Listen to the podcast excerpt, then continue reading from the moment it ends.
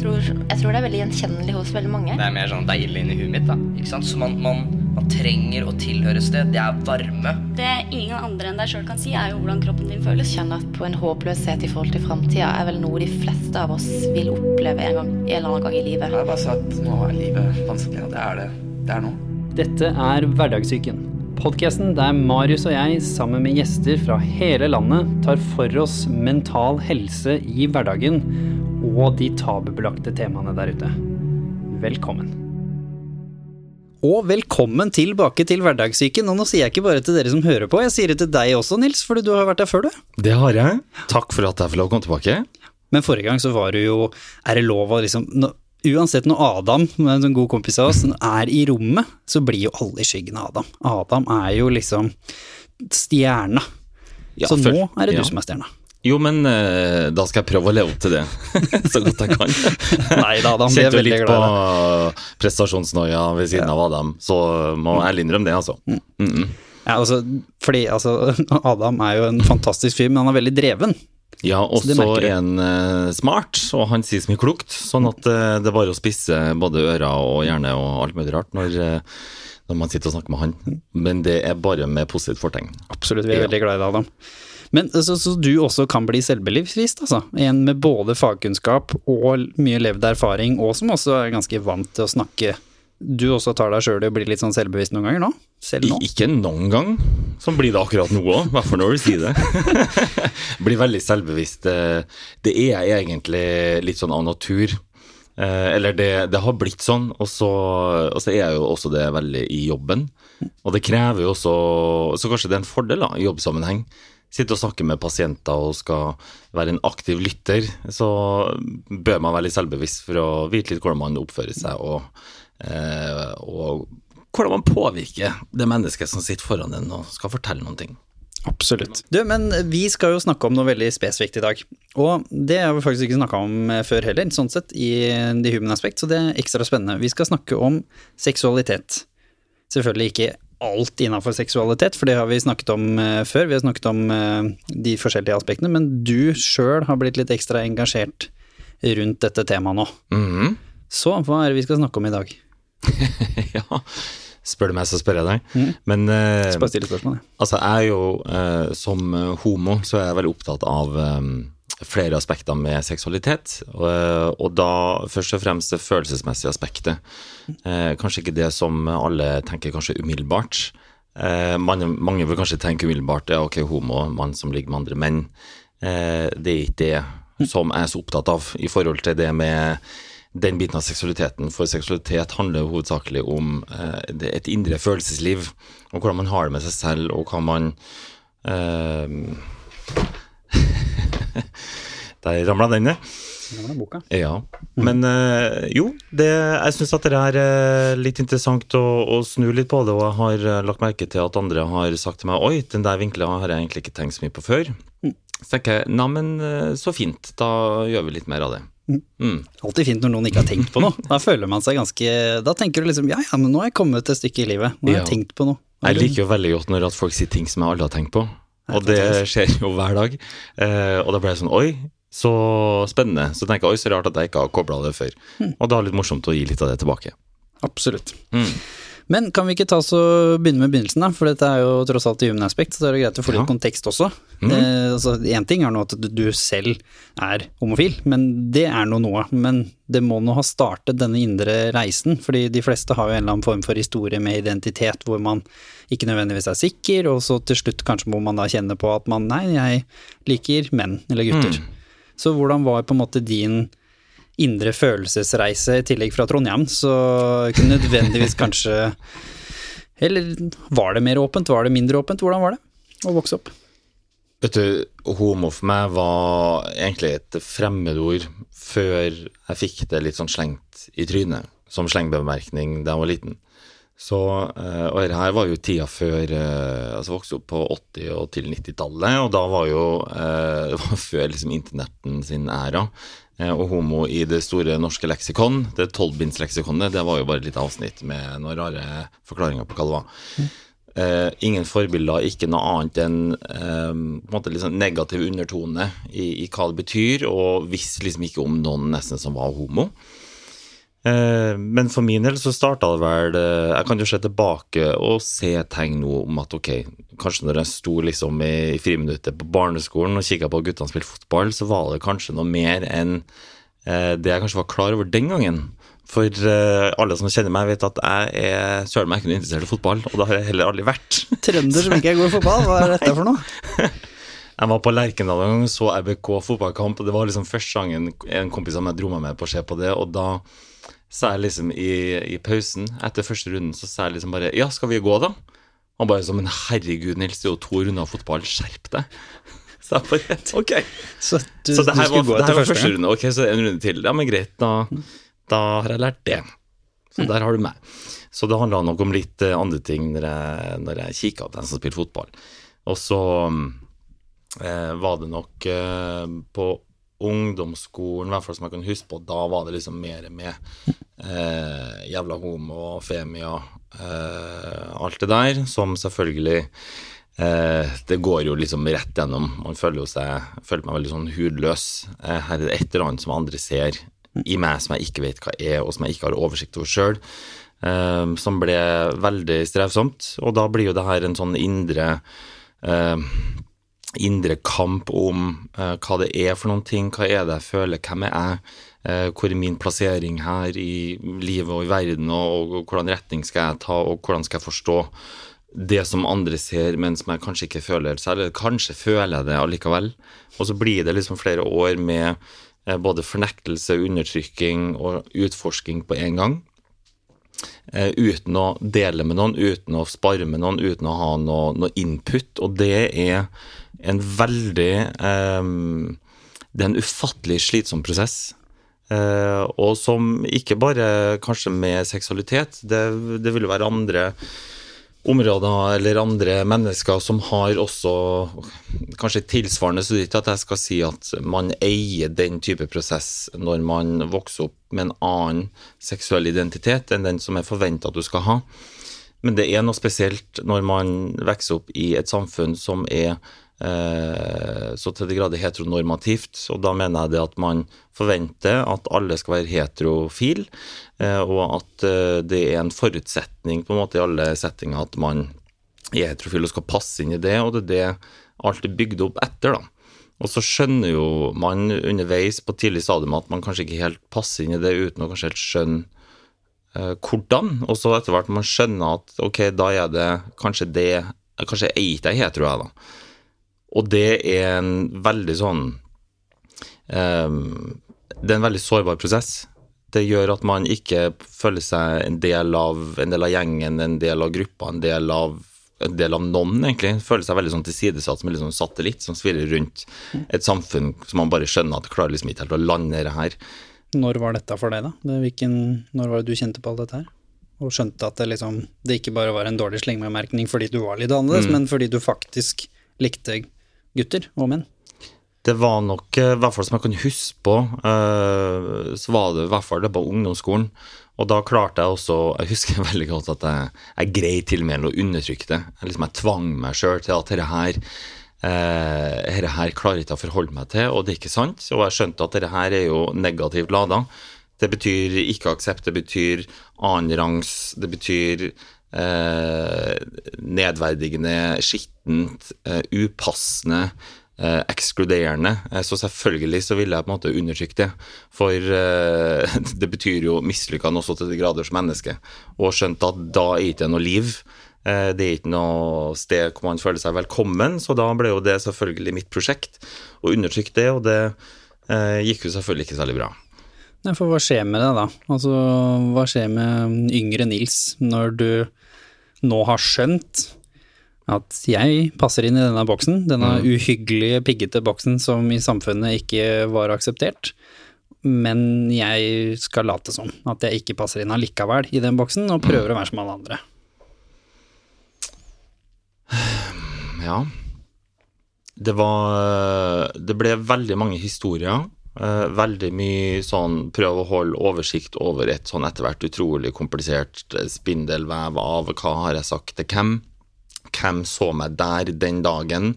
Eh, hvem er det som har snakka med den personen som jeg sa det og det til? Kan det være at den snakker med den andre som kanskje vet at jeg ikke var der? Hva betyr det? Hvem er det som kommer til å eventuelt avsløre meg? Og det der pågikk jo i noen år. Og jeg skjønner jo i ettertid liksom hvorfor jeg var så sliten eh, og urolig og redd. Jeg Var jo livredd hele tida eh, for å bli avslørt. Ja, for det Ja. som gjør noe feil. Så, og så blir jo frykten etter hvert overveldende og kanskje litt uproporsjonal, for eh, det å Når jeg da til slutt gjorde det berømte som det heter å komme ut, så har jo det blitt eh, mye mindre skrekkinngytende enn det jeg frykta på forhånd. da. Men eh, det var liksom veldig lite som tilsa at det skulle gå fint. Det, og så blir det jo sånn at han eh, Følelsen var for meg i hvert fall at ok, hvis at jeg sier det her nå, først røper så er det liksom ingen retrett. da. Har du først sagt til noen at vet du hva, jeg tror jeg er homo, så er det liksom, Ja, da, da, da- ligger det der tilgjengelig for hele verden. Du kan aldri ta tilbake. Og hvis det da skulle gå dårlig, så tenkte jeg ja, men da er det liksom game over. Så, og den følelsen er altså bare så ubeskrivelig. Ehm, og, så jeg klarer egentlig ikke å sette ord på det. Men det var uh, Jeg kan si litt sånn ut av meg sjøl-opplevelse. Det nærmeste jeg kommer. Og hvis du tar på deg faghatten nå, fordi den har du også i lomma, å si. den har jeg lett tilgjengelig. Ja, du glemte jo å si det i stad, på en måte, på å si hva du, hva du jobber med. Før vi stoppa, så kan du si det for de som ikke hørte forrige episode. Hva, Ja. hva er faghatten din? Du har jo flere av dem. Ja, en av dem er hovedjobben min. Jeg jobber som lege, lege i psykiatri. Så øh, det betyr at jeg da om ikke så altfor lenge så ble jeg ferdig psykiater. Eh, og så har jeg jobba som fastlege noen år før det, og så har jeg jobba med seksuell helse og homohelse og helsestasjon for gutter, eh, som jeg også jobber på nå på kveldstid. Du har en god del med forskjellige faghatter og erfaring i, i, med deg inn i studiet her. Ja. Veldig bra. ja. Jo, men hvis du tar på deg faghatten nå, Mm, og så analyserer du den situasjonen som du nettopp har beskrevet fra ditt eget liv, mm. hva er det som skjer med oss mennesker i det første stadiet der, hvor vi ikke er sikre, hvor vi får den slengbemerkningen? Fordi jeg fikk jo også den eh, slengbemerkningen, altså hele barneskolen, hele livet, passa ikke inn. Mm. Var for feminin, snakka for mye om følelser, Sier du det, ja? gudene veit hva det var. Men det var sikkert, altså fra bygda, så det, det skulle ikke så mye til på en måte for å skli ned i den boksen der, da, sånn sett. Men når jeg kom til ungdomsskolen, litt samtidig som deg, og da begynte å sånn tvile, da, for sånn er jeg det, eller er jeg ikke? Vet jo, altså, hva veit man om det når man er 13 år? Altså, jeg må ærlig innrømme at jeg hadde ikke utforska så mye altså, når jeg var på den alderen, så Nei. det visste jeg jo ikke. Da var liksom å på springbrett inn i en sånn utvikling. Ja. Mm. Og så fant jo jeg ut i mitt tilfelle da, at jeg ikke var homofil. Og Ja. På et tidspunkt skulle jeg nesten ønske at jeg var det, for det hadde jo i mitt tilfelle nesten vært enklere, fordi alle mente jo at jeg passa oppi der, så kunne de i hvert fall hatt rett da, i det, på en måte. Men den første fasen der, hvor man ikke er sikker, Ja. hva skjer med oss da kognitivt? Altså, hva slags påkjenning kan det være for noen? Som du sa i stad, det kan jo sammenlignes med å ha en annen multikulturell identitet. Det kan jo sammenlignes med bare fysisk å ikke passe inn. ja. Så hva gjør det med oss når vi går over sånn mange år og kjenner på at du er romvesenet i rommet? Eh, altså man, det, det går jo rett inn i selvfølelsen. Eh, som jeg tenker som 13-åring, eller som Man er jo et barn, og man er jo langt fra ferdig utvikla, og så skjer dette her i en tid hvor Uh, hvor liksom alt annet skjer i kroppen uh, inn i puberteten, som bare kaster alt rundt følelsesmessig, og, og selvfølelsen overhodet ikke på plass uansett. Uh, og så kommer en sånn her ting på toppen. Det gjør at det blir jo fryktelig vanskelig å klare egentlig å integrere liksom alle inntrykkene og få det plassert inn i en forståelse av hvem man er da, som person. Man jobber jo er liksom den tida av livet som man er veldig sårbar, og man skal skape sin egen identitet. Og så har man da noen forbilder, forhåpentligvis, eller noen omsorgspersoner som man føler seg trygg på, som er foreldre eller kan være andre. Um, og hvis at man kjenner at man ikke er passer inn i på en måte de forventningene eller de, ehm, de, de boksene eller de eh, Ja, den, eh, de tankene de har om hvem du er, da, så, så vil man jo kanskje prøve å lete andre steder, så finner man kanskje ikke det. Og da, eh, da blir det her en litt sånn umulig jobb. Så nettopp det der med å skal gjøre alle sånne prosesser alene, er egentlig litt eh, eh, Ja, det er litt sånn eh, Ikke håpløst prosjekt, men veldig slitsomt prosjekt. Mm. Og så neste situasjon, da, når du finner ut at du da passer inn i boksen, men i feil boks, på en Mhm. måte, i gåseøyne. Altså den boksen som i ditt tilfelle da var minoritetsboksen. Den boksen du trodde de rundt deg ikke aksepterte, og på en tid også som det kanskje strengt tatt ikke var litt sånn akseptert som det er nå. Så det Mm. er fortsatt lang vei å gå, men det har blitt litt bedre sikkert enn når du, når du var tenåring. Er det lov å si? både tror og håper at det har blitt bedre. Ja. ja. Så hva skjer med, skjer med oss da? Hva er liksom fagbeskrivelsen av det som skjer med deg når du passer inn i feil boks og virkelig er en minoritet i samfunnet, som du sier da, heteronormative samfunn i dette tilfellet? Mm. tenker at man kommer nok til et punkt hvor eh, man gjør opp en såkalt eh, beslutning om eh, hvor eh, eh, hvem er jeg, eh, hvor er min plassering i verden, eh, hvordan forstår jeg meg selv, eh, og hvem jeg hvem er jeg møter med andre. Og så tenker jeg at da vil det jo være et sånt punkt hvor man kanskje kommer til at enten så så klarer man å integrere det i sin egen forståelse av seg sjøl, at man eh, legger lokk på det. Eller skyver det så, altså fortrenger det så godt at det på en måte bare lukkes og låses igjen et eller annet sted inni en selv. Um, eller så blir det da å forsøke å integrere det og akseptere det. Og det der på en måte aksept som et ord kommer inn, da. Det er litt det der med aksept liksom for uh, Hvis vi sier det skjeve miljøet med på en måte andre seksualiteter enn uh, heteroseksualiteten, uh, som jeg tror kan kanskje være litt Kanskje for noen i, som definerer seg selv som hetero, kan kanskje være litt vanskelig å sette seg inn i hva, hva betyr Altså hvor, hvor viktig er det her med aksept? Så liksom, ja, men aksepterer at du ligger med noen av eh, samme kjønn, det er helt, det er helt greit for meg. Altså, det er ikke det aksept handler om.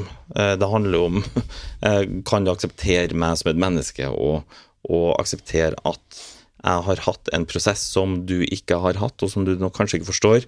Og jeg kommer fram til et punkt i livet mitt Og nå snakker ikke jeg bare for meg selv, jeg snakker jo for absolutt alle andre som sitter og kjenner på det her. Akseptere at det er en prosess som eh, jeg eier, og som jeg ønsker å um, ikke være begrensende mer av. Så når jeg sier det, jeg sier eksempel, sier at jeg er homo, så sier ikke jeg det for at jeg, du skal vite at jeg ligger med andre menn, for det har ikke du særlig med å gjøre. Men det handler om at jeg vil bare få lov å ha fred. Fordi det er noen ting jeg er påminnet i det daglige hver eneste dag, og har vært det hele livet, og kommer til å være en del av på en måte møte med, med verden, og sånn er det jo.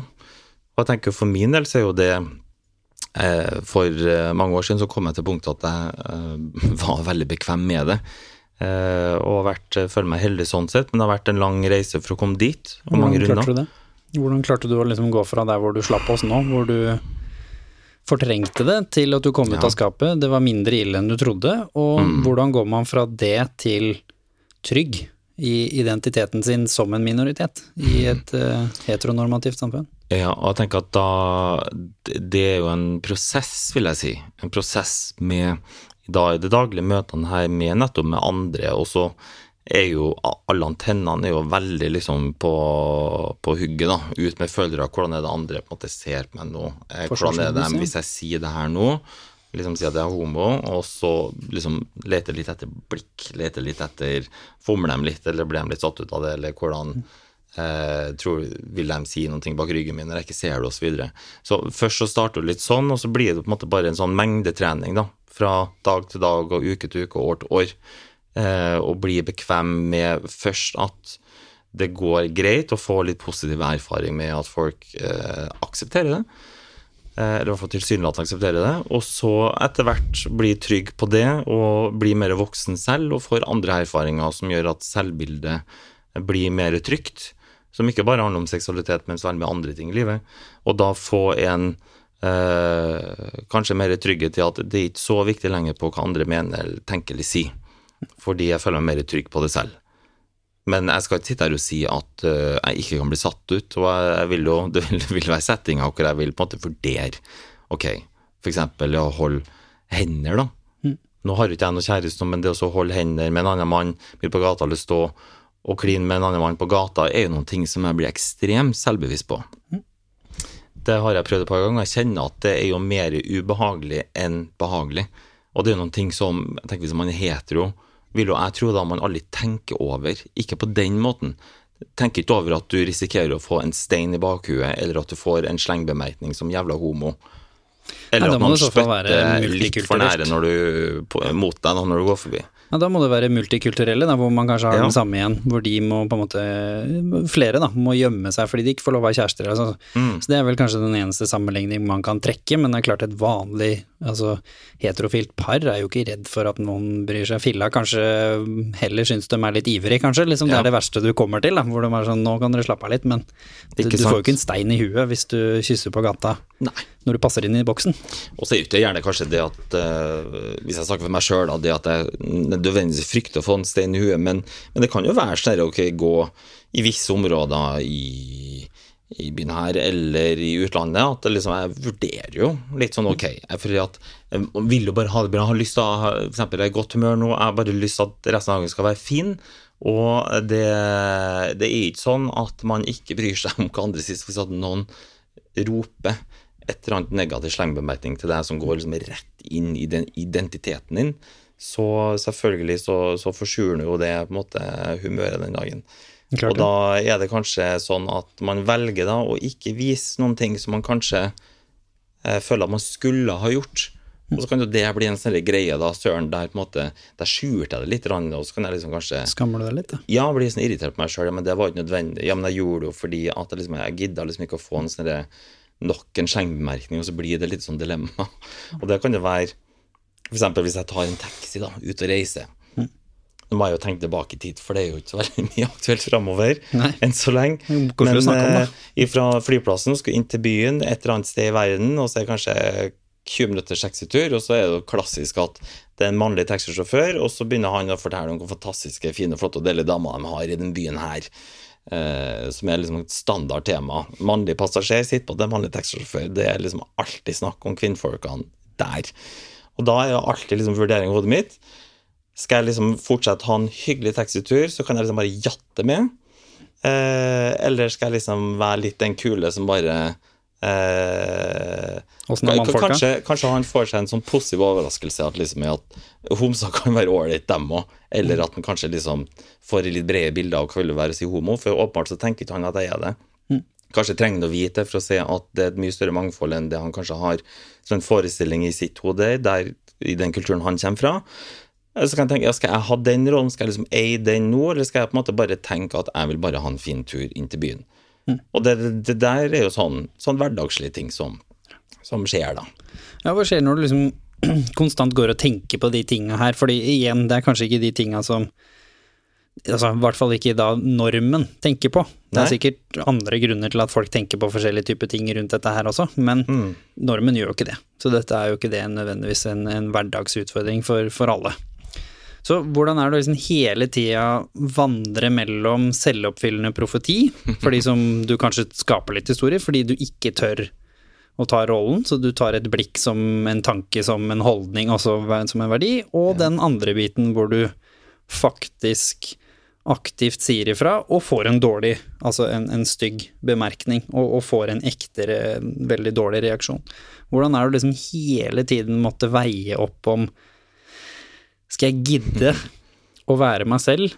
For det er basically det du sier. For det er egentlig ikke rolle heller. Altså, det er jo spørsmålet skal jeg Skal være meg selv. begrense meg sjøl nå, Nettopp. eller Eller skal jeg ikke begrense meg, ikke sant? hvordan er det? Ehm, nå, hvis jeg snakker for min del nå, så, så lever jeg fint med det. Og da eh, er det sånn at uh, fram til nå så har det nok vært liksom tider hvor jeg følte liksom at det her har vært eh, blitt litt sånn irritert.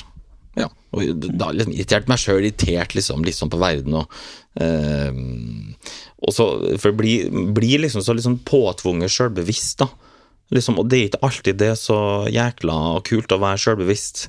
Eh, Det kan man bli mer enn nok sånn som det som vi snakka om litt innledningsvis. Eh, Så da liksom om sånn, ok, der kom dere påtvunget på meg, hvor det bare liksom trigger en, en selvbevissthet som jeg bare ville ha en liten pause fra.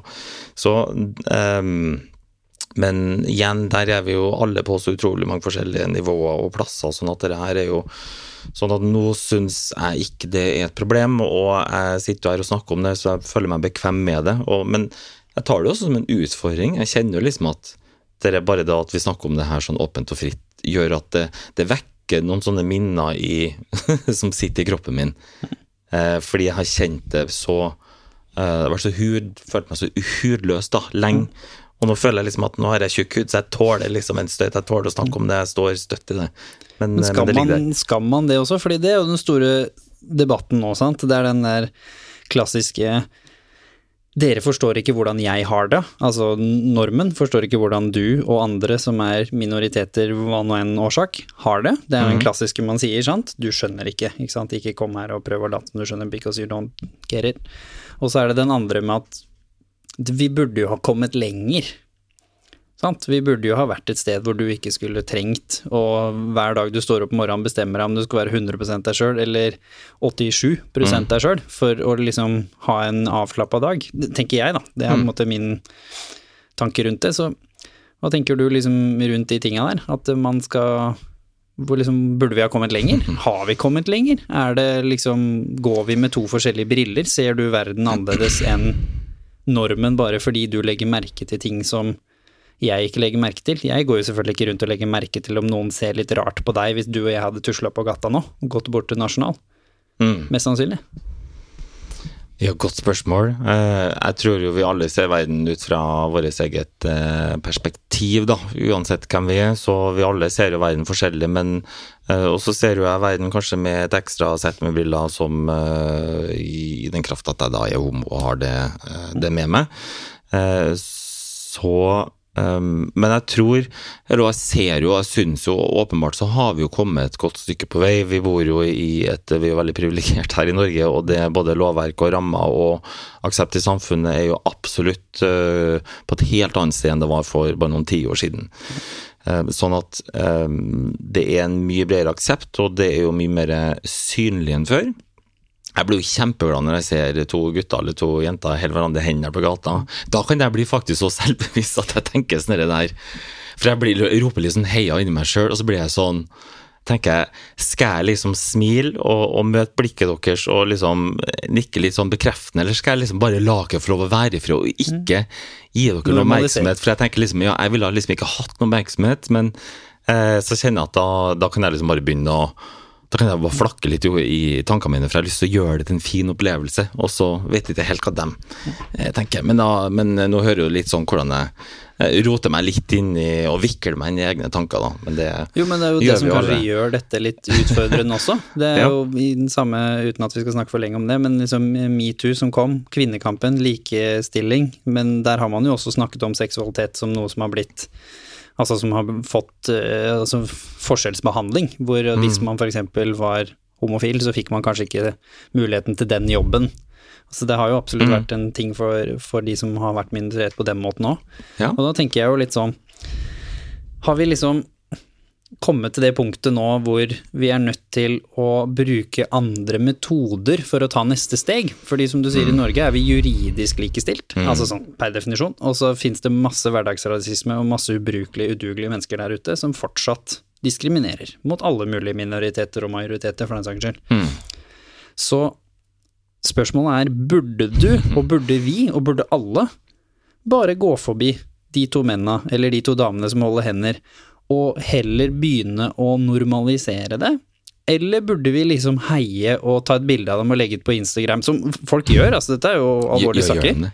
Ja, og spesielt i kvinnekampen så er det jo sånn er hashtag 'vi kvinner ruler', hashtag 'gratulerer til venninna mi som fikk en ny stilling nå, syns det er dritfett'. Men du gjør ikke det da med mannekompisen din. Så, så Mm. liksom hva er svaret på å komme til neste nivå, hvor det faktisk er normalisert? Fordi det blir jo ikke Mm. Jeg som um, Nå er ikke jeg helt A4, men hvis jeg skulle lata som jeg var en normen, da Ja. en normal person, så, så ville jo ikke jeg tenkt Hvis jeg ser alle disse postene, så ville jo ikke jeg fått inntrykk av at vi har kommet lenger. For da får jo jeg inntrykk av at det er snodig. Ja, for da er det jo en greie, liksom. Nettopp. Ja. Eh, vet du, jeg sitter ikke på noe fasitsvar, og jeg aner ikke hva fasiten er. Så det eh, Men jeg tenker at så- Kanskje litt tilbake til det her med at jeg har jo, og det her er jo bare mine tanker om ting. Igjen, jeg sitter ikke på sannheten her heller, men uh, jeg ser jo på seksualitet som mer et spenn. eh, med glidende overganger og gråsoner og veldig få absolutter. Eh, og så er jeg også vant til å tenke sånn i forhold til min jobb også med, med psykiske lidelser. Altså det, det er ingen absolutter. Eh, Det er det heller ikke på veldig mange fysiske, vanlige sykdommer heller. Det er masse tvil, og det er mye eh, Vi er mennesker, vi er altså så komplekse. Sånn at å si det at enten er man hetero, bifil eller homo, er jo bare å lure oss sjøl. Sånn er det faktisk ikke. Så det er jo kulturelle begrep som vi har skapt. Og for noen tusen år siden så eksisterte jo ikke ordene heterofili eller homofili. Men eh, menn lå jo med hverandre som bare rakkeren dem, og det var jo helt greit. Eh, og så tror jeg liksom veldig mye av polariseringa nå er nettopp det fordi at um, Nå må du velge, nesten. Ja, og det blir liksom så Det blir så veldig putta i bås, og det blir så veldig seksualisert, og det er det som irriterer meg. Snakk om dere sodomy, eh, og med religiøse eh, stempel på, ikke sant. Ja. Jeg tenker at vet du, det handler søren meg ikke om, eh, om analsex. Det handler om følelser. Hvem er det man har lyst til å være kjære sammen og være og ha en partner i livet og dra på reiser sammen og spise middag sammen og holde i hånda. Eh, sånn at det, det for meg som er liksom det der det den evinnelige ser ut i verden tenker jeg, guri malla, hvor kort man har kommet. altså det, sånn, sånn Et blikk utad ser jeg at gud, så lite man vet om seksualitet. Og så lite man vet om eh, heterofili, tenker jeg. Jo, som altså- vet like lite om heterofili som om homofili. altså Det er jo veldig eh, altså Hvordan skal du definere? Altså, ja, hvor går grensa liksom, for å være heterofil? da? Hvor smart må du være liksom for å skjønne forskjellen? Derfor du sier Ja. seksualitet handler jo altså, Det er jo en tematikk som handler om seksualitet. Den Ja. handler jo ikke om alle disse boksene her. Kan du være øh, helt øh, hetero hvis at du har ligget med øh, tarmen i løpet av livet, f.eks.? Eller at du er kvinne og ligger med noen andre jenter?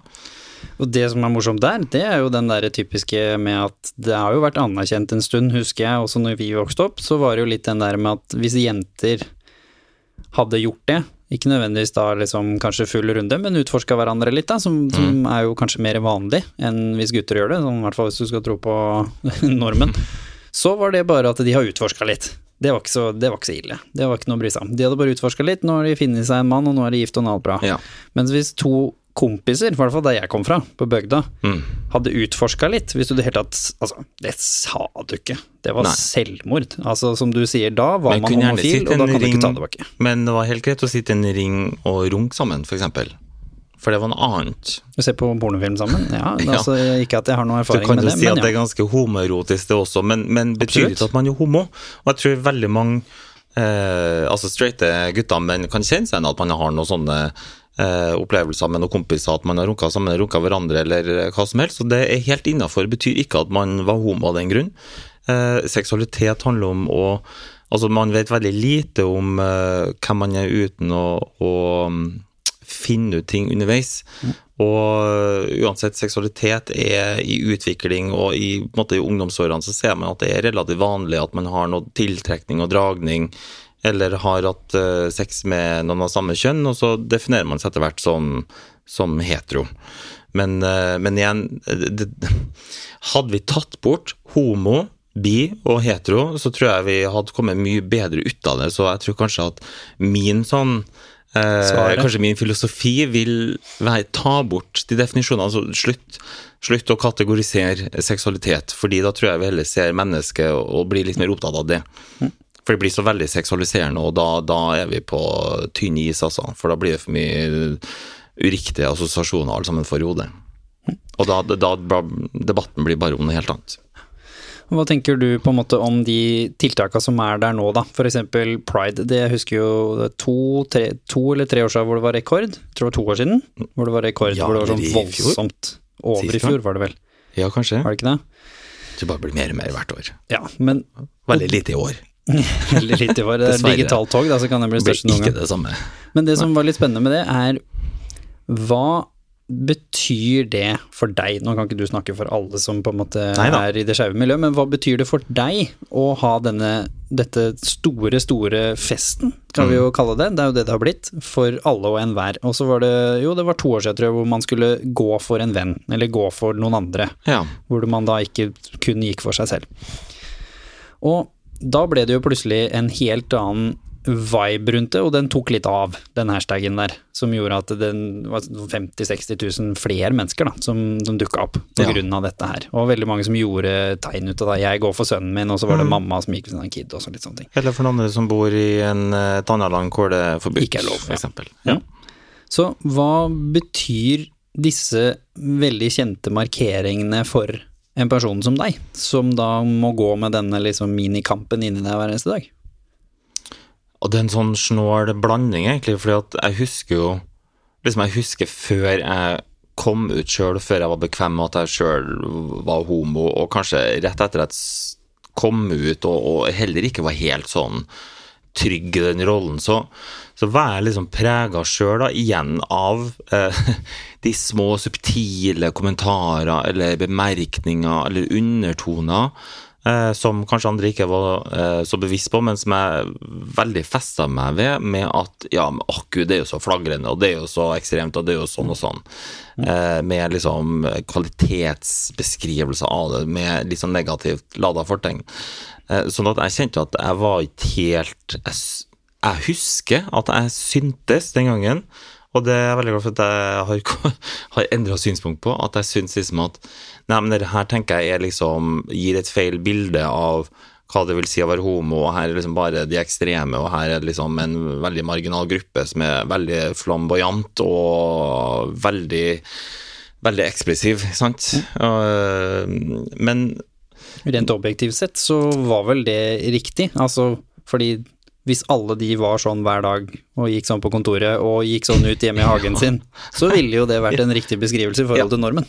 For da tenkte jeg liksom, ok, men verden trenger å se liksom et mye større bredde og mangfold, da, for at det er liksom ikke det her. Og det, eh, da tenkte jeg nok men kanskje litt mer sånn ja, men litt, litt yngre og litt mer umoden hjerne har nå. nå. Og så, Jeg studerte jo i Budapest, der studerte jeg medisin, og jeg husker jo veldig godt når det var Pride-dag og Pride-parade, og jeg, jeg husker jeg, jeg bodde, var ikke så fryktelig langt unna paraden skulle gå, men jeg bare husker følelsen Jeg gikk ut av døra i bygården jeg bodde i, og jeg kunne liksom bare føle på stemninga i lufta, som var så ubehagelig. Den var så ubekvem, og jeg kjente at jeg ble nesten kvalm. Så jeg, jeg gikk ikke ned engang for å se på. Fordi jeg visste at det var så stor risiko. For jeg visste at det var masse hooligans, det var masse nynazister, mange andre som eh, hadde eh, både varsla og tidligere år har liksom da sabotert. eh, De hadde gått til angrep, og det var eh, paraden besto hovedsakelig liksom av armert politi som bare sånn halvveis, litt motvillig beskytta de få som gikk i paraden. For der er det ikke en festparade, der er det en aktivistparade. Absolutt. Eh, også, men da med Pride-paraden i Oslo, som er bare sånn kjempedeilig og fri og åpen for alle og veldig ufarlig, og mer som en sånn kjærlighetsfest. Altså, den, den danker jo 17. mai-toget rett ned. Sorry. jo, jo, men det gjør det. Mye morsommere. Men eh, Så den er jeg veldig, veldig glad i og veldig stolt av. Og kjenner at det er en sorg at det ikke blir Pride-parade i år. Ta til høsten. Ja, forhåpentligvis. Eller neste år, da. Ja, kommer tilbake. Men ehm, Og i fjor så gikk mamma sammen med meg i paraden, og det betydde veldig, veldig veldig mye for meg. Og det betydde mye for henne også. Så det, det er liksom det er sånne ting som For det blir så symbolsk, da. Det blir ehm, Det handler om så mye mer. Um, ja. Så Pride-parade for meg er en veldig veldig symbolsk fin ting, og jeg kjenner liksom mer og mer for hvert år så er jeg liksom mer og mer motivert. Jeg har til og med sagt at i år skal jeg søren meg gjøre noe flamboyant og ha på meg hæler og dragge og bare liksom ta den helt ut. Uh, og så kom korona, og så ble Så fikk det vi ikke gleden av å se deg i høye hæler. kan jeg bruke ekstra lang tid på å planlegge til neste år, da. Ja. Ja. Ja, fordi hva tror du dette betyr for En ting er hva det betyr for miljøet, hva det betyr for de som på en måte kanskje har følt at de ikke får lov til å holde hender, må være selvbevisst, og så har de i hvert fall da på en måte denne ene dagen hvor på en måte alt er lov, og det, du putter det under pride eller til og med en uke. Men hva betyr det for barna, eksempel. De som vokser opp, de som er der, som får se dette som en del og en akseptert del, Ja. ikke en aktivistdel i Norge, en festdel av sitt samfunn. Hvor Ja. viktig tror du det er Åh, for å kunne normalisere? Prima. Alfa og omega. Og, og ikke minst at de ser det sånn som vi heldigvis har det i Norge, med at det er faktisk en folkefest, og det er en feiring. Og det er jubel, og det er Uh, Alle er der, og syns det er veldig fint at det ikke da liksom eksklusivt jeg bare liksom for at du må være eh, sånn eller sånn, eller ha den, den seksualiteten for å være med eller stå og se på. Sånn at alle kan være med, og at man ser at dette er normalisert, og det er akseptert, og at folk ikke kikker ned på eller kommenterer stygt eller eh, spytter på, eller hva det skal være. Fordi det får unger med seg, så da lærer man selvfølgelig, ikke sant. Det er jo der man til dem som blir den neste generasjonen, og det er helt og holdent vårt ansvar hvordan holdninger de skal ha. Så det her er noen ting som fordi vi har kommet dit vi har kommet, nå betyr det ikke at da vi er ferdig. Altså denne her historien har fortalt oss mange nok gang at det samme vil skje igjen og igjen og igjen og igjen, og det handler om å hele tida holde oppmerksomheten oppe. Sånn at eh, jeg vet at det er mange som syns det begynner å bli slitsomt, og nok og man blir litt lei, og alt handler om homo, og det er så slitsomt og vanskelig. Da, eh, da handler nok det om litt andre ting, tenker jeg. Ja. Ja. Så hvis vi liksom da skal snakke litt om eh, neste biten, da. Det med å Ok, hvordan skal man klare å komme til et sted hvor man fullt aksepterer seg selv som dette her. Så hvis du nå da liksom fikk eh, noen der ute, da, som kom til deg, for, som på en måte både med den erfaringen du har personlig, og fagkunnskapen du har, og sier at jeg er ikke komfortabel med meg selv, jeg er ikke komfortabel med hvem jeg er. Seksualiteten min. Om det ville vært lesbisk eller på en måte transseksuell eller homofil eller egentlig det samme. Hva som helst. Hva hadde du på en måte tenkt eh, fra det du har lært så langt i livet, at eh, du kunne delt da, som kunne vært et godt sted å starte for å, for å akseptere seg selv mer? Hmm. Oh, godt spørsmål.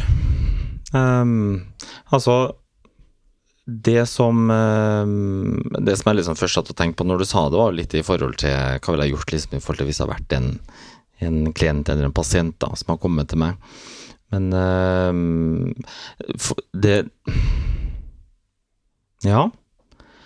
Litt mer som en venn, da. Hvis det var en venn som kom til deg hvor Ja. du hadde fagkunnskapen, men hvor du ikke hadde liksom tvangstrøya med, med måtte, tittelen din, eh, som gir jo selvfølgelig visse rammer som hva som er lov og ikke lov, men hvis du kunne gi alt du har, både personlig erfaring og fagkunnskap, hva ville du sagt til folk som fortsatt ikke kanskje helt tør å være seg selv og akseptere seg selv? Mm.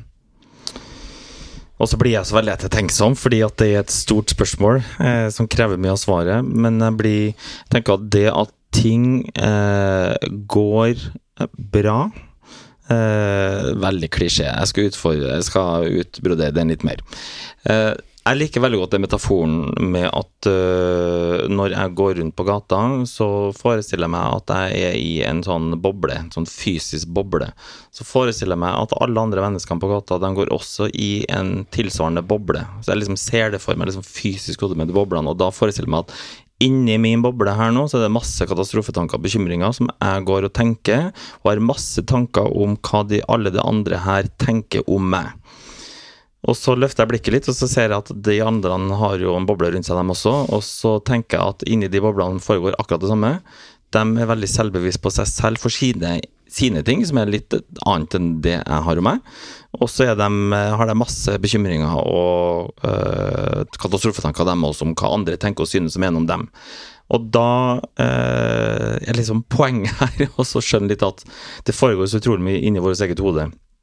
Og vi tillegger andre veldig mye tanker, ord, følelser, meninger øh, og oppfatninger som andre nok kanskje ikke har. Eh, vi har kanskje noen grunner til å tro at eh, andre tenker, syns og mener det de gjør, men vi vet det faktisk ikke, for vi er ikke i deres hode. Og når man er såpass uh, uh, i den situasjonen at man uh, er veldig opptatt av at andre skal like en selv, da. Og det gjelder jo ikke bare for egen seksualitet, det gjelder for hva som helst. Så, så blir man så veldig mye mer følsom for det, og blir jo mer følsom som en naturlig konsekvens enn det man kanskje trenger å være. Og da blir det litt det med å finne en måte å bare forstå og sette seg sjøl i eh, å få noen sånne metaforer med at vet du, det er, det er veldig mye inni mitt eget hode nå, og det er ikke nødvendigvis sannheten som utspiller seg i mitt eget hode. Men det er mine følelser. Jeg forstår at den dukker opp, og jeg kan akseptere at den dukker opp. Det er ikke noe rart, men jeg må også forstå samtidig at det er tanker som jeg har, og det, eh, med å ta litt fugleperspektiv, skjønner jeg at det er Hvis jeg skal tenke at det skal liksom måtte definere veien framover for meg, og det skal definere sannheten, så, så havner man på feil spor, altså uansett hva det gjelder. For det er ikke sannheten i hva andre tenker, syns og mener. Så hvis man klarer å løfte det litt, og man kan klare å felle litt mer tro om at det her ja, det går kanskje bra likevel, for da kan det kanskje åpne opp for litt mer ro og litt mer At man våger litt mer. Og eh, broren til bestemor Ja. er homofil, og vokste opp i Trondheim. Altså hele familien min er fra Trondheim. sant? Fin by, det. Fin by, ikke sant? Han eh, Altså, det blir jo ikke noe mer eh, rollemodell og aktivist, holdt jeg på å si, enn det han var jo tidlig ute.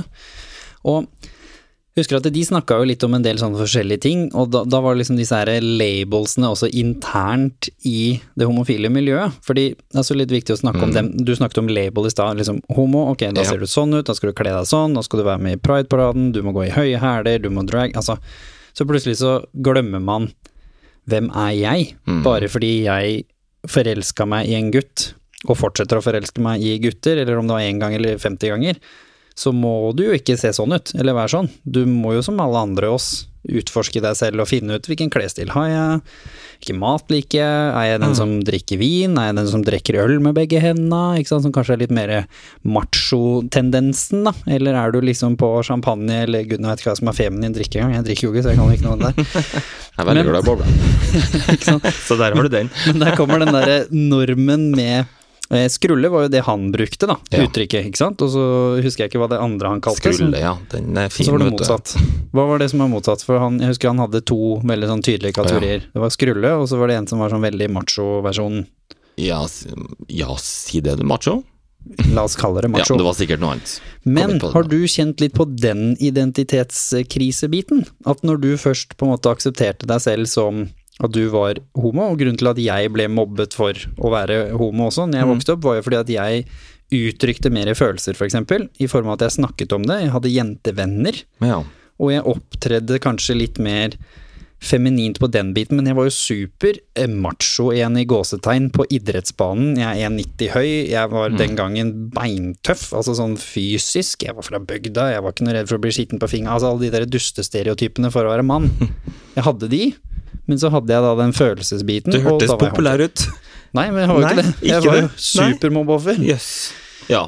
Men da ble jeg jo det på grunn av Men det, det som er fascinerende, er hvor lite da som skulle til. Jeg ble liksom stappa opp i da homofilboksen på bygda, bare fordi jeg da uttrykte mer følelser og snakket om det. Skilt deg ut.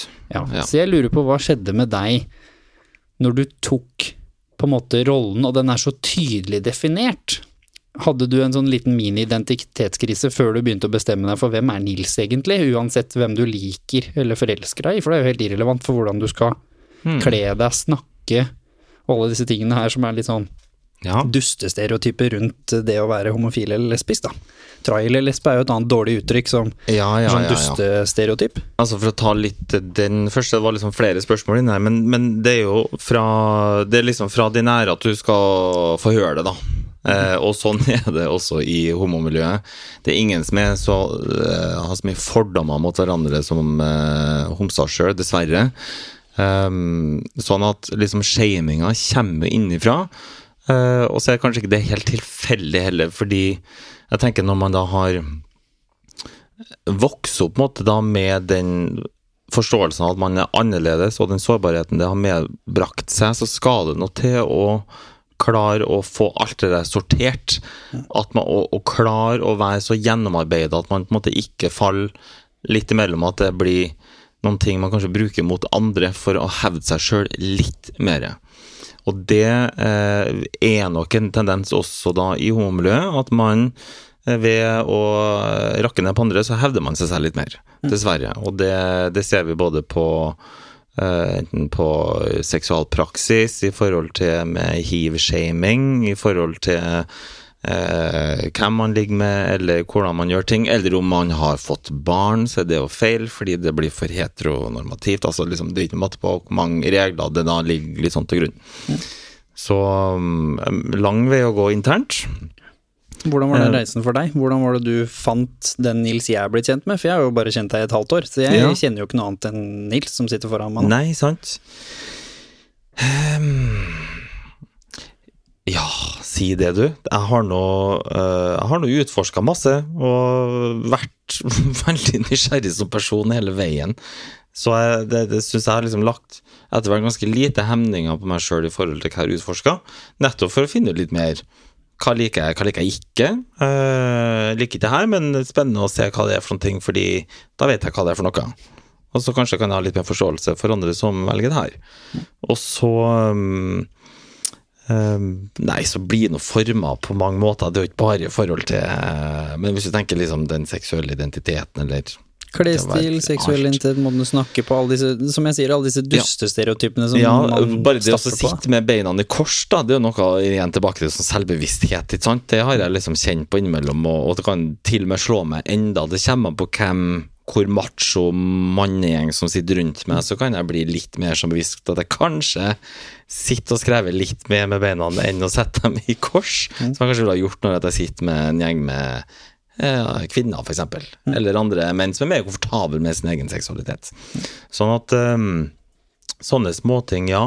Men nå uh, Jeg kjenner jo det at Jeg har fått hørt av uh, flere venner at det er interessant, eller venner og kollegaer også, som sier at de har lagt merke til at jeg framstår litt mer maskulin til å begynne med når de blir kjent med meg, og jo mer de blir kjent, så virker det som at det er en liten sånn guard som detter ned, og så merker man at jeg kan bli litt mer sånn Litt mer flagrete og litt mer fjasete og litt mer Kanskje innimellom litt lysere i stemmen og litt eh, At jeg glemmer meg litt, da. At jeg slipper liksom Du er deg selv. Ja, og det gjør at jeg Og dette her er sånn helt nylig. Så tenker jeg jøss. Ja, det har de søren meg helt rett i, og da har jeg liksom ikke tenkt så bevisst over sjøl, så jeg kjenner at det er jo en evig prosess, det der, hvem man er og som person, og hvem er Nils? Altså, ja, si det. Nå er jeg jo 38 straks, og det så kan jeg om ti år så ser jeg tilbake og tenker guri malla, visste jeg bare så så mye den gangen. Nå er det liksom noe helt annet. Så det endrer seg hele tida. Hele tida utvikling. Ja. Det syns jeg er kjempespennende. Men hvor viktig tenker du den nysgjerrigheten er, da, for de som kanskje skal tørre å finne litt sitt mm, fotfeste, da, hvis vi skal kalle det det, inni denne rollen? Fordi den, den er jo en definert rolle. Som ofte kommer med mye sånne dusteting, som om at øh, jo, men er du homofil, så må du snakke litt lysere, må være litt mer fjollete, ikke sant. Ja, Hvor viktig er det å være nysgjerrig og, og tørre å prøve, da, som du sier at du kanskje prøvde litt her, du prøvde litt der, og så nå er du litt mer Nils enn du var for ti år siden, antagelig.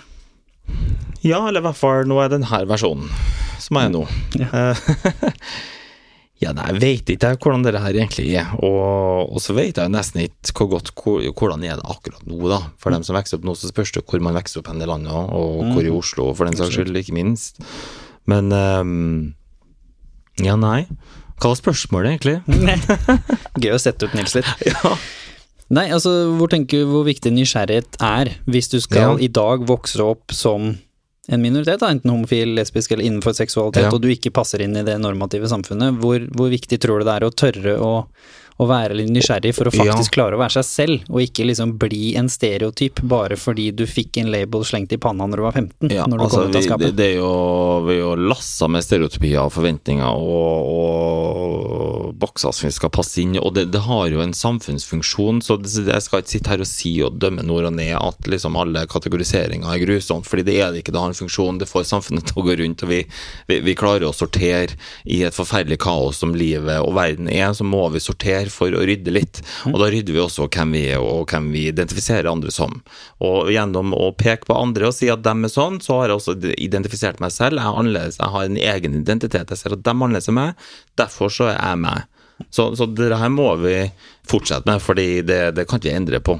Men eh, nettopp det der da med å være nysgjerrig tror jeg er liksom en avgjørende faktor. Og jeg tror det er veldig mange som sitter og ikke er nysgjerrig nok på seg sjøl. Man, man bare liksom fyller en rolle istedenfor å vite Ja, men for du kan godt fylle rollen etter å ha tatt flere runder inn og utafor all verdens bokser og kategorier, og så skjønner du at ja, men jeg føler meg komfortabel her, jeg. Og så kan jeg godt liksom modifisere det litt så at det liksom passer inn, så at, så at jeg kan være mest mulig bekvem, men jeg kjenner at det her klarer jeg å fylle liksom den forventninga her. Nordmann, hvit nordmann i Oslo, eller hvit trønder fra Trondheim i Oslo og homo. Liksom, ja, da, der satt den på et eller annet vis. Med både å beholde dialekta mi, som jeg syns er kjempeviktig. Han begynner å skli ut litt. Besteforholdet kjefta på deg. Nei, det må du ikke si. Bestefar-Aller Husk på at dere er fin fintrønder, nå. Der kommer han. Det er viktig å snakke trøndersk nå. Ja. Hele resten av episoden Ja, det er du god på. Ja, du minner meg på det. Ja, må Ja. gjøre det, altså. Sklir ut litt. Ja, sant. Ja. Det er godt å skli litt, sjø. Ja, hente det er inn etterpå. Nei, altså, jeg husker jo veldig godt at det var litt viktig for meg, da. Fordi jeg husker jo at, som sagt, på et eller annet tidspunkt så var jo ikke jeg sikker, som alle andre på jorda, og jeg var enda mindre sikker, fordi jeg ble jo mobba såpass lenge for å være homofil, og da ble det til slutt sånn, ja, men kanskje jeg er det, da. Altså, who knows? Jeg visste jo ikke svaret. Dere ble jeg veldig nysgjerrig på hvordan det var for deg. Det, for det første så var det veldig Sikkert slitsom på lik linje med deg fram til du skjønte du, altså at du var homofil. For jeg var bare veldig usikker. Men når jeg da kom til det punktet med ok, nå gidder jeg ikke å være usikker mer, kanskje litt det samme som deg, hvor jeg da måtte sånn, nå må jeg jo finne ut av det, da, på et eller annet vis. Når du er 13 år, så er det jo liksom hva er alternativet? Måtte Hvordan finne ut av det. ja, hvordan gjorde du det, da? Nei, Nå altså, snur jeg det veldig her, da, men, Ja, det, men det fint, da. nå ble jeg nysgjerrig. Jo, fordi det jeg gjorde da, var at det, altså, det var jo ganske banalt. Når man er 13 år, så tenkte jeg litt sånn ok, jeg dusjer jo med gutter hver dag. Altså, jeg hadde idrett, I og valgfag sånn? og i det hele tatt, så Ja. var, vi dusja litt ekstra, og jeg drev med fotball og million ting, så det var jo ikke noe utfordring. Og da tenkte jeg sånn, ok, hvis jeg nå i dusjen her ser på de andre guttene, Mm. og på en måte prøver å gi dem litt oppmerksomhet, Ja. Altså seksuell oppmerksomhet, i form av okay. å liksom se på peniser og se på kropper og, og de tingene som, som ville tent meg ved, da, ved jenter, da. Ikke sant? Og så husker jeg at jeg sto i dusjen, shabby dusj på bygda, da, ikke sant. Det var plass til fire stykker, sant. Du, det var ikke noe koronasafe, for å si det sånn, det var ikke én meter. Nei, og ikke si noe imellom uh, dusjene heller, tenker jeg. Nei da, nei, det var sånn åpen sånn Ja, ja. eh, konsentrasjonsleirdusj. Mm. Ja, det skal Også, være sånn. Ja, der, der lærer du mye om deg sjøl. Ja. Og så sto jeg der, og så legger jeg da merke til dette her. Og så er jo litt lettere for oss gutter da, enn for jenter, så det er jo litt vanskelig å, å skjule hvis det skjer noe, på en måte. Mm. Hvis du blir seksuelt tiltrukket, i hvert fall. Og så på en måte så står man liksom og sånn kjenner etter, da. Bare liksom sånn, skjer det noe? Og så var jeg jo litt redd også, sant? Fordi For Du kan jo få ereksjon uten Ja. å nødvendigvis være tent av det andre. Bare det å være naken og så i dusjen når man Mm. er liksom ung og vril. Altså, og det er jo nesten refleks for en ereksjon. Og når jeg står og kikker og rører i tillegg, og er så usikker. Og så var jeg jo livredd, for jeg var jo som sagt et mobbeoffer for å være homofil. Så hvis jeg da hadde fått ereksjon i dusjen, altså full ereksjon i dusjen, da hadde, altså, da hadde livet mitt vært over, på en måte. Ja, for der kom den, liksom. Den endelige bekreftelsen. Ikke sant. Ja. Så det var jo litt i smug, hvis vi skal kalle det det. Og så skjer det liksom, skjer litt, men ikke Og så skjedde det ingenting. Altså liksom Visste jeg ikke om jeg var skuffa, eller om jeg var glad, eller om hva som skjedde. Og så kom jeg på da den tanken, hva hadde skjedd hvis jeg nå sto i jentedusjen på samme måte? Mm. Og i en alder av 13 år så gikk det jo da opp for meg at det hadde nok muligens ikke gått så bra, i form av at jeg hadde ikke klart å skjule det, på en måte. og det skulle, ikke, det skulle ikke så mye til heller, da, fordi med en gang jeg begynte å tenke på det, på en måte litt sånn, og så for meg hun ene jeg likte og alle de tingene der, altså, ja, da skjedde noe. begynte det liksom å skje noe. Selv om jeg var Mm. ikke så dårlig selvkontroll selv i en 13-årsalderen at det, det var krise. Men En fin selvfølgelig var jo flere eh, opplevelser etter den også, men det var den første som jeg husker hvor jeg første gang selvbevisst tenkte at nå må jeg utforske og finne ut, uten fordi jeg var livredd for å bli stempla, uten å tråkke over en grense som var f.eks. helt uaktuelt for meg å fysisk ta på en kompis eller noe sånt. Altså da, da som sagt hadde livet mitt vært over, i form av at da hadde jeg fått stempelet, og det hadde aldri blitt kvitt igjen, uansett om det var riktig eller ikke. Mm. Men så har det selvfølgelig vært flere eh, seanser i etterkant her, hvor jeg hadde blitt eksponert for nakne menn, selvfølgelig. Og da muligheten til at det skulle hatt en påvirkning på meg, Mm. om det var i porno eller om det var i vann og skvære. Som da gjorde at jeg fant ut at jeg ikke var det. Men jeg hadde jo samme utfordringen med stempelet, fordi jo, men da, ok, men da er du hetero, da. Du er hetero mann fra bygda. Da skal du være sånn. Ja, folk leter etter å kategorisere deg. Ja, og det Ja. gjorde jeg jo sjøl òg. Så nå var jo jeg ikke, hadde jo ikke kommet noe lenger i form av hvorfor jeg ble mobba. Jeg var jo fortsatt han som hadde jentevenner. de, de kom til når de var lei seg, men Ja. jeg var ikke invitert på guttefest. Og så var jeg ikke invitert på jentefest heller, Hmm. for jeg var en heterofil gutt. Men så hadde jeg vært homofil gutt, så hadde jeg kanskje blitt invitert på jentefesten, for da hadde vi jo sittet og snakka om kjekke gutter. Hmm. Men det var jo ikke så interessant for meg, som jeg hadde jo ikke noe problem med å snakke om kjettekutter men det var jo ikke noe spennende. Jeg ville heller snakke om hvor pene de var, på en måte. og så ble jeg jo ikke invitert da på guttefesten, fordi jeg snakka ikke på samme måten om jenter. Jeg snakka ikke sånn seksualiserende om dem. Og da var ikke jeg noe kul. Og så drakk jeg ikke pga. faren min, og da var jeg i hvert fall ikke noe kul, og så ble det sånn Ja. ble det ingenting, da. Og da vokser man jo opp, og jeg husker helt fram til nå, så har jeg liksom vært selvbevisst. Jeg gikk jo i pride, som jeg sa, kjempestolt og har jo gått eh, hver gang jeg har hatt mulighet. For å Ja, både, det, ja. Ja, ja, Ja. selvfølgelig. Skal se etter deg neste gang. Ja, gjør det. Ja. Jeg bodde jo med bestevenninna mi som Skal vi jo holde hverandre i hendene, da. Ja, virkelig. Jo. Da skjønner du, og så tar vi bilde, og så legger vi ut. Da skal jeg love deg, da får alle gamle vennene mine fra bygda Da er de, det var, da er de sånn Det var det jeg sa. Ja, du får skyld på meg. Ja, det er helt greit. Nå er jeg i hvert fall komfortabel nok til å gjøre det. Ja. Men det har tatt tid Mm. for meg også å bli komfortabel nok til å i det hele tatt tulle med det. Fordi det satt så hardt inne at de jeg ble stempla for noe og følte meg utafor, og så var jeg i hvert fall utafor, for jeg var jo ingen av delene. Jeg var på en måte Mamma klarte å si Det er sånn ikke foreldre, hvis du hører foreldre på nå, ikke si det her. Det var veldig godt ment, men ikke si det til en 13, usikker 13-åring. Mamma sa til meg Gutten min, du er så nærme du kan komme å være en jente uten å være homofil. Jaha. Godt ment, fordi det må han prøvde å si, var at jeg var flink til å håndtere følelser, og så, så, så slang hun på når, når du møter noen som er like gamle som meg, så kommer dette til å være det som skaffer deg kjæreste og Mm. høye verdier, og jeg bare mamma, er du skada? Altså, du kan ikke si sånt, men nå visste jo ikke hun alt dette er eh, rundt, da. Men hun Nei, prøvde jo å gi meg et kompliment, at jeg var Ja. en gutt som klarte å uttrykke følelser. Ja. Som er jo i, noe jeg er veldig stolt av i dag, og er jo, altså, det er jo hele grunnen til være. aspekt. Ja. Men det som er litt spennende, er disse liksom Som du sier, er vi nødt til nå å prøve å vaske lerretet litt. Vaske litt av disse. Ja, vi trenger noen bokser for å liksom ha visse kål på ting. Fortsatt kan ikke to menn få barn, eksempel, så visse bokser må man liksom holde på. Vi er fortsatt forskjellige kvinner og menn. Man kan adoptere, så det må man akseptere. Og så må man liksom heller si at samfunnet bare er som du sier, fokusere på kjærlighet. Det er sånn Mm. Du forelska deg. Så fantastisk. Jeg som menneske burde jo ikke bry meg om det var en mann eller en kvinne. Mm. Fra mitt perspektiv. Fordi vi er ikke på det punktet hvor vi trenger flere mennesker. Hvis du spør med miljøaktivistene, så er vi på en måte der hvor vi burde få litt mindre barn. Altså, to be fair, som var jo hovedgrunnen til i gamle dager, tror jeg, at man var sånn dømmende på det. Fordi hvis liksom 50% av samfunnet ikke klarte å få barn, og ikke da valgte å få barn med den andre halvparten, så daua de jo. Så det var mer en overlevelsesgreie, hvis vi snakker for fem millioner år siden, liksom. Men nå er det jo ikke sånn. Så nå handler det jo mer om kjærlighet, valg, frihet, og muligheten til å gjøre det som gjør at du får lov å være deg selv. Så sant du ikke skader andre mennesker, tenker jeg. Og det gjør selvfølgelig ikke du. Og det er derfor jeg ikke forstår jeg forstår ikke liksom sinne, jeg forstår ikke grunnen til at folk hadde behov for å stemple meg sånn eller sånn, eller deg sånn eller sånn, Ja. eller at du bare kan være Nils som forelsker deg på akkurat lik linje som jeg gjør, og Maja, bestevenninna mi, som nå har vært sammen med en jente i ti år. Hva er forskjellen? De er nydelig forelska, de drømmer om å adoptere, de kommer til å bli fantastiske foreldre. Bedre enn 50% av det jeg hadde, på en måte. En fantastisk mamma, ubrukelig altså biologisk far.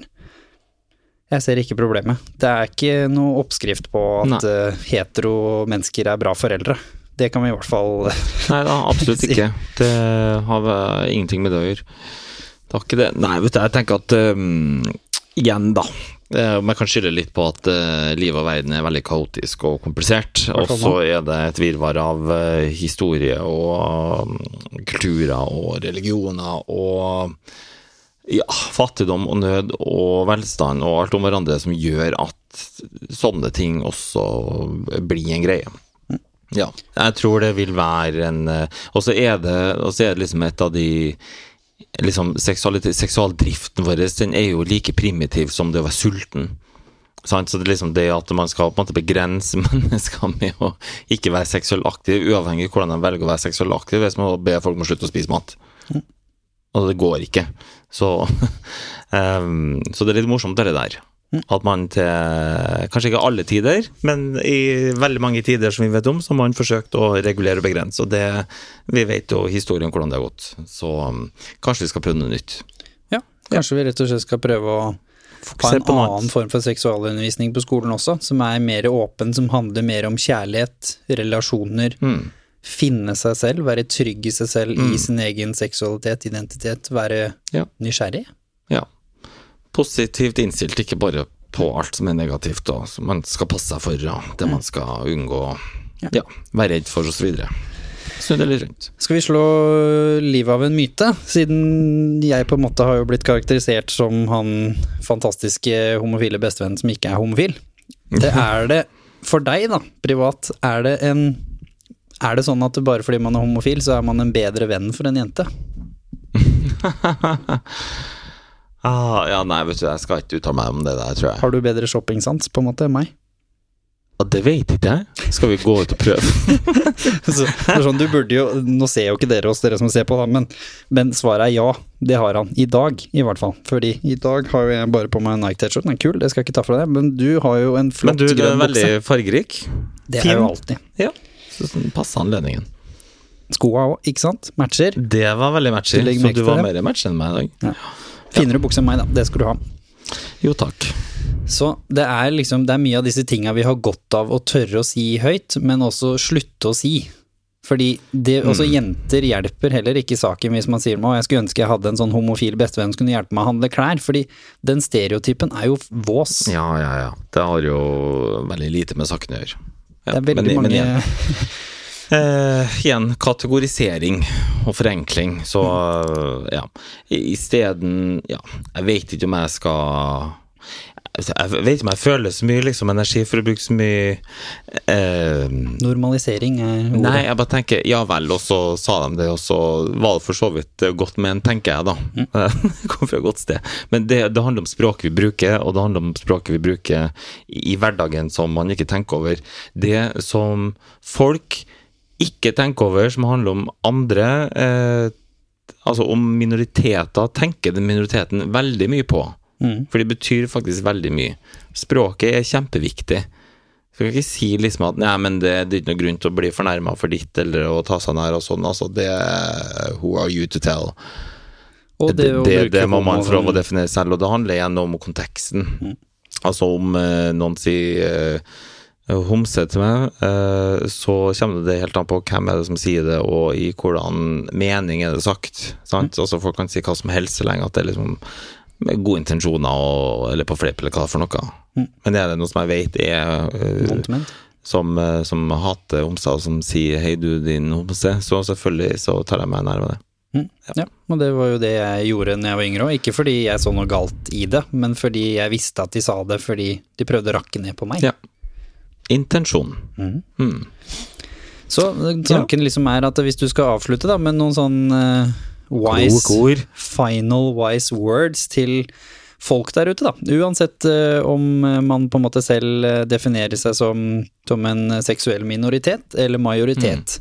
Hva tenker du fra dine 38 år på denne jord er den viktigste lærdommen som du tror kan være kjekk å ta med seg når man går ut igjen på gata med, Ja. når korona er over og vi får lov å gå ordentlig ut igjen?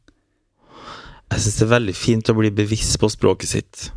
Og det, det, er fordi det, det er så funksjonelt i alt. Språk er det viktigste kommunikasjonsverktøyet vi har. Eh, Sånn at eh, når man tenker hvilke ord man bruker, betydningen av de ordene, hva, ja, og tenker litt Det her betyr det ordet her for meg, men hva kan det ordet her bety for andre? Eh, og reflektere litt over det, og så skal man selvfølgelig ikke gå gjennom hele, alle de titusenvis av ordene som man har i hodet, men når noen gjør deg oppmerksom på noen ting, kanskje bruke det som en liten sånn nysgjerrighet. Oi, så artig at andre kan ha noen helt andre følelser for det ordet her enn jeg har. Og, bare, og så blir man bare litt klokere av det. Og kanskje man tenker seg litt mer om neste gang man bruker det ordet, og vet at det er kanskje et ord som jeg kan velge å ikke bruke. Absolutt. For eksempel. Ja. Og jeg vil gjerne minne om nysgjerrigheten, ja, som det virker som både hjalp deg og meg til å finne ut hvem vi var, uansett Ja, hvem det nå Det var viktig at du sa. Det, det er jeg også helt enig i. Ja. Og ikke minst den derre Jeg har jo masse apekatter på armen som folk eh, spør og graver om hele tida. Snakker om det folk eh, spør om. ja, det er bare jeg som ikke har uh, har men, jeg, men jeg har kikka på tatoveringene dine. Jeg liker dem veldig godt. Jeg er veldig glad i tatoveringer. Men jeg så ikke at det var apekatter før du sa det nå. Så jeg har jo den derre see, hear and speak no evil, som jeg lærte av når jeg bodde i Ghana. Ja. Det som er spennende med det, er jo at tanken er at du er like mye med på ondskapen hvis du later som du ikke ser den, ikke nødvendigvis du ikke sier ifra.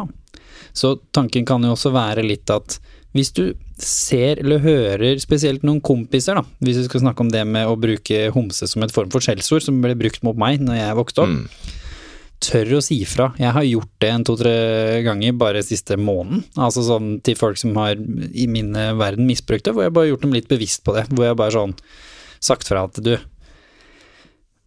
er 2020 er ikke da, Ja. på en måte. Altså, vi er ikke der. Men, og det har mye med pondus, syns jeg, når at eh, du da som ikke definerer deg sant, som homo, at du tar den kampen og faktisk sier fra. Det, det er så Jeg tror faktisk det er viktigere det enn at det skal være en homo som står og sier det, for da, da vil det liksom ikke nå igjennom til dem som ikke bare er villige til å ta det inn, men de tar det kanskje litt mer inn når det kommer fra bestekompisen.